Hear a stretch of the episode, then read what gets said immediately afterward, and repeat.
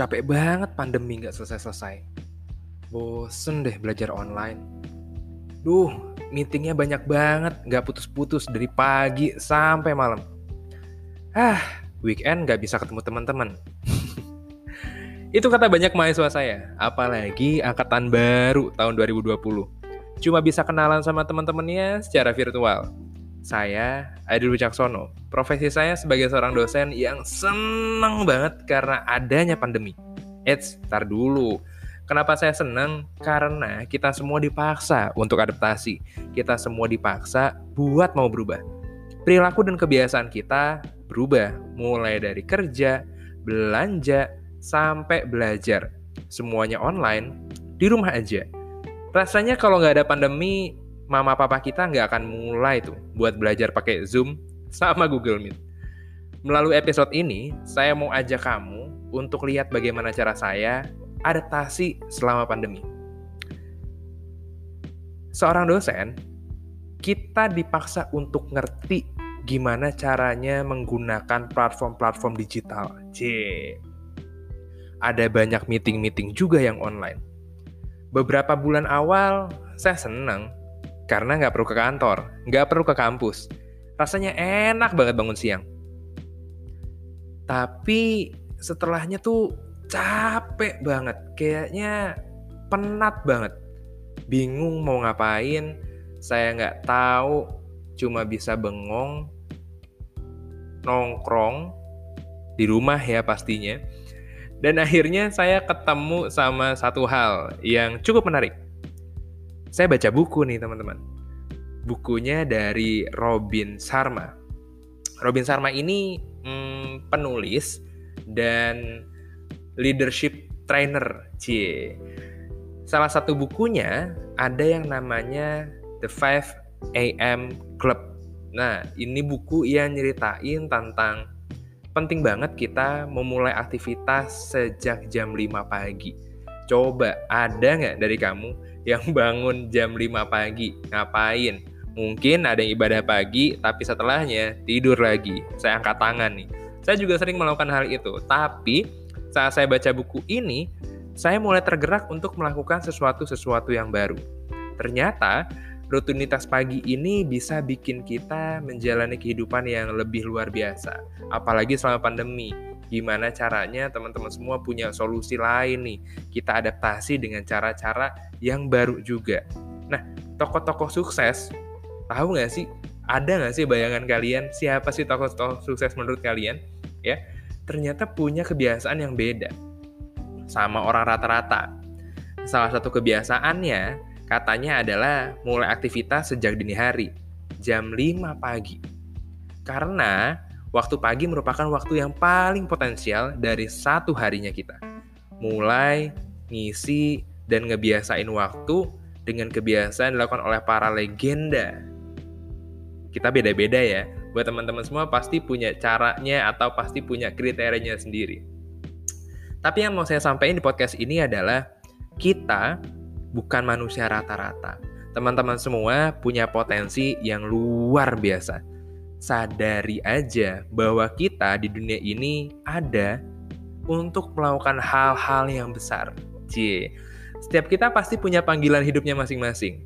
Dan setiap kita punya potensi besar untuk jadi yang terbaik di bidangnya.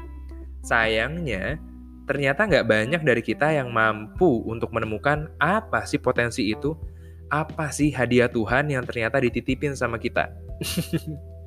Beberapa orang ada juga yang terjebak dengan kondisi ini. Mereka bingung saat merasa di bawah, mereka ngerasa gagal, mereka ngerasa nggak yakin bahwa kayaknya pandemi ini ya bikin saya gini-gini aja deh. Eits, saya mau nyampe satu quote dulu nih. Kata Einstein, masalah yang baru ternyata nggak bisa diselesaikan dengan cara yang lama. Masalah baru harus kamu selesaiin dengan cara yang baru juga. Karena itu, kamu perlu untuk melakukan kebiasaan-kebiasaan yang baru. Nah, sekali lagi, di buku ini menyatakan bahwa pagi hari adalah waktu saat kita memiliki potensi terbaik. C, di pagi hari itu katanya tuh kita dalam potensi uh, terbaiknya. Dan saat kita bisa memanfaat, memanfaatkan waktu itu, ya kita juga bisa melakukan hal-hal yang dilakukan oleh sosok-sosok atau bahkan tokoh-tokoh yang ada dalam benak kita sekarang. Tokoh-tokoh yang kalian bayangkan, tokoh-tokoh sukses. Apakah bisa? Bisa banget, ya. Nah, jadi teman-teman semua, buat mulai jam 5 pagi kita perlu juga untuk melihat apa yang akan kita lakukan di keesokan hari. Nah, orang yang ahli di bidangnya biasanya punya tingkat ketelitian yang tinggi sama apa yang dikerjain. Mereka menguasai bidangnya mereka secara mendalam dan gak ngerjain kerjaan secara asal-asalan kayak orang-orang rata-rata. Nah, tapi kan saya nggak mau nih kita jadi orang rata-rata. Karena itu, teman-teman perlu punya kesadaran diri dulu. Iya, kesadaran diri akan potensi yang teman-teman semua punya. Dan juga kesadaran akan adanya peluang, juga kesempatan. Ini akan dorong kita, akan dorong kamu untuk mau terus belajar dan terus bertumbuh. Saat kita mau belajar bertumbuh, kita bisa menentukan berbagai pilihan terbaik secara otomatis loh. Dan pilihan baik itu akan ada dampak baiknya juga kepada hasil yang lebih baik. Ditandai dengan peningkatan pendapatan mungkin, lalu juga pengaruh kita dalam kehidupan pribadi dan juga profesional. Ada empat fokus dari pembuat sejarah yang perlu kita terapkan. Fokus yang pertama adalah menggunakan modal IQ. Nah, Hal ini berkaitan dengan potensi diri yang kita wujudkan dan manfaatkan sebagai modal. Yakin bahwa sukses kita sebenarnya nggak tergantung dari bakat, coy. Teman-teman semua tuh punya potensi masing-masing. Saya selalu bilang bahwa kita punya hadiah beda-beda dari Tuhan. Tapi kembali lagi, kadang kita masih bingung bagaimana cara kita menemukan hadiah-hadiah itu. Fokus yang kedua adalah gimana caranya kita bisa membebaskan diri. Membebaskan diri dari apa? banyak. Jadi salah satunya adalah dari pengalih perhatian. C, pengalih perhatian. Distraction. Biasanya apa sih kita terdistract dengan apa? Benar, media sosial. waktu pagi merupakan merupakan waktu yang uh, cocok banget untuk kita tidak menggunakan sosial media atau boleh sih tapi sedikit ya karena di pagi hari ini teman-teman semua akan menikmati ketentraman, kesunyian, dan kedamaian. Dan waktu di pagi hari ini akan bikin kita untuk bisa fokus ngembangin potensi yang tadi saya bilang. Lalu selanjutnya adalah tentang fokus untuk ngasah keahlian pribadi. Untuk jadi ahli di bidang-bidang tertentu, kamu perlu latihan yang banyak. Practice makes perfect manfaatkan satu jam dari waktu paginya kita deh untuk meningkatkan keahlian kita. Jadi teman-teman semua sukanya apa nih? Setelah itu bisanya apa? Coba deh dilakuin. Coba deh ditekunin. Karena itu yang akan menjadi modalnya teman-teman juga. Fokus terakhir adalah konsistensi. Ini yang susah coy. Sumpah, susah saya pun sampai dengan detik ini masih berusaha keras untuk bisa bangun pagi dan gak tidur lagi. Setiap jam 5 pagi saya coba untuk konsisten dengan memanfaatkan waktu yang saya punya untuk ngelakuin hal-hal yang baru. Karena saya sadar bahwa aktivitas saya di pagi hari itu bisa mempengaruhi sehariannya kita. Dan kalau teman-teman semua sudah mulai konsisten, kita coba untuk melakukan setiap hari, dampaknya akan terasa pada setiap minggu, bulan, bahkan tahunan. Gak percaya kan? Oke, jadi saya punya, nggak saya sih, dari buku ini nih, saya mau nyampein ada satu formula yang cukup menarik. Ada formula namanya 20, 20, 20. Untuk kita isi aktivitas pagi yang berharga. Jadi tadi saya bilang konsisten bangun setiap pagi. Nah, itu aja ternyata nggak cukup. 20-20-20 ini diterapkan agar kita bisa ngisi waktu paginya dengan rutinitas atau aktivitas yang memang luar biasa. Gini, jadi formula 20-20-20 itu adalah per 20 menit kita melakukan sesuatu yang beda. Jadi dalam waktu satu jam kita punya tiga bagian yang berbeda. Biasanya nih 20 menit yang pertama itu buat olahraga. 20 menit yang kedua itu untuk kita merenung. Dan 20 menit yang terakhir buat kita belajar. 20 menit pertama, katakan nih ya, dari jam 5 sampai jam 5.20.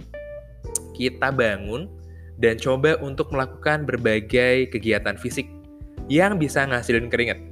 Macam-macam, kalau emang di rumah bisa push up, sit up, uh, jumping jack, mungkin juga ada lompat tali, atau lari-lari kecil, jogging-jogging aja keliling rumah gitu ya. nah, kegiatan fisik di pagi hari ini ternyata bisa meningkatkan kinerja kognitifnya kita. Otak kita bisa jadi lebih sehat dan terbebas dari stres. Udah selesai nih, terus kita masuk ke 20 menit berikutnya. Pukul 5.20 sampai 5.40 tadi saya sampaikan istilahnya merenung ya, bengong, nggak bengong ya. Merenung ini adalah bagaimana caranya teman-teman semua itu merefleksi dirinya, mengevaluasi diri gitu. Karena suasana pagi ini kan tenang, damai, tentram, kayaknya cocok banget untuk digunain sama kita merenung gitu ya.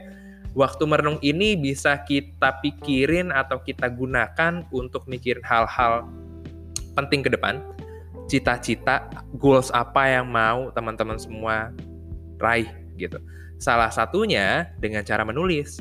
Karena menulis ini dapat menjadi sarana penumpahan ekspresi dan emosi sehingga kamu bisa terbebas dan lapang rasanya. Momen merenung ini bisa bikin kita lebih menjadi bermakna dan bijaksana. Oke, kita masuk ke 20 menit yang terakhir dari jam 5.40 sampai jam 6 pagi. Dan waktu ini waktu untuk meningkatkan keahlian pribadi. Keahliannya apa? Yang tadi teman-teman semua sukanya apa? Bisanya apa? Ya kan? Banyak kok beberapa aktivitas yang memang bisa kita lakuin di 20 menit terakhir. Misalnya baca buku, denger podcast, atau nonton video-video yang memang bisa nambah informasi ke kita. Ada insight-insight baru yang bisa teman-teman semua terima aktivitas ini akan ningkatin nilai dirinya kita loh. Sehingga bisa ngaruh ke pendapatan juga, bisa ngaruh juga ke kesempatan-kesempatan yang datang ke teman-teman semua. Gimana? Tertarik ya untuk bangun lebih pagi? Untuk teman-teman semua bisa lebih semangat untuk adaptasi, menyambut dirinya yang baru. Harapan kita seusai pandemi ini, teman-teman semua udah ketemu solusi yang baru ya. Jadi dengan bangun pagi, ayo semangat lagi. Teman-teman semua bisa kok. Kita bukan waktunya untuk berdiam diri, bukan waktunya untuk mencaci maki, tapi yuk sama-sama adaptasi, melakukan kebiasaan-kebiasaan yang baru untuk menyambut diri seusai pandemi. Sekali lagi, bilang deh ke dirinya sendiri, ayo semangat lagi. Nah, episode ini juga disponsori oleh Indomie dan Kaskus. Terima kasih banyak, sampai bertemu di episode berikutnya. See you!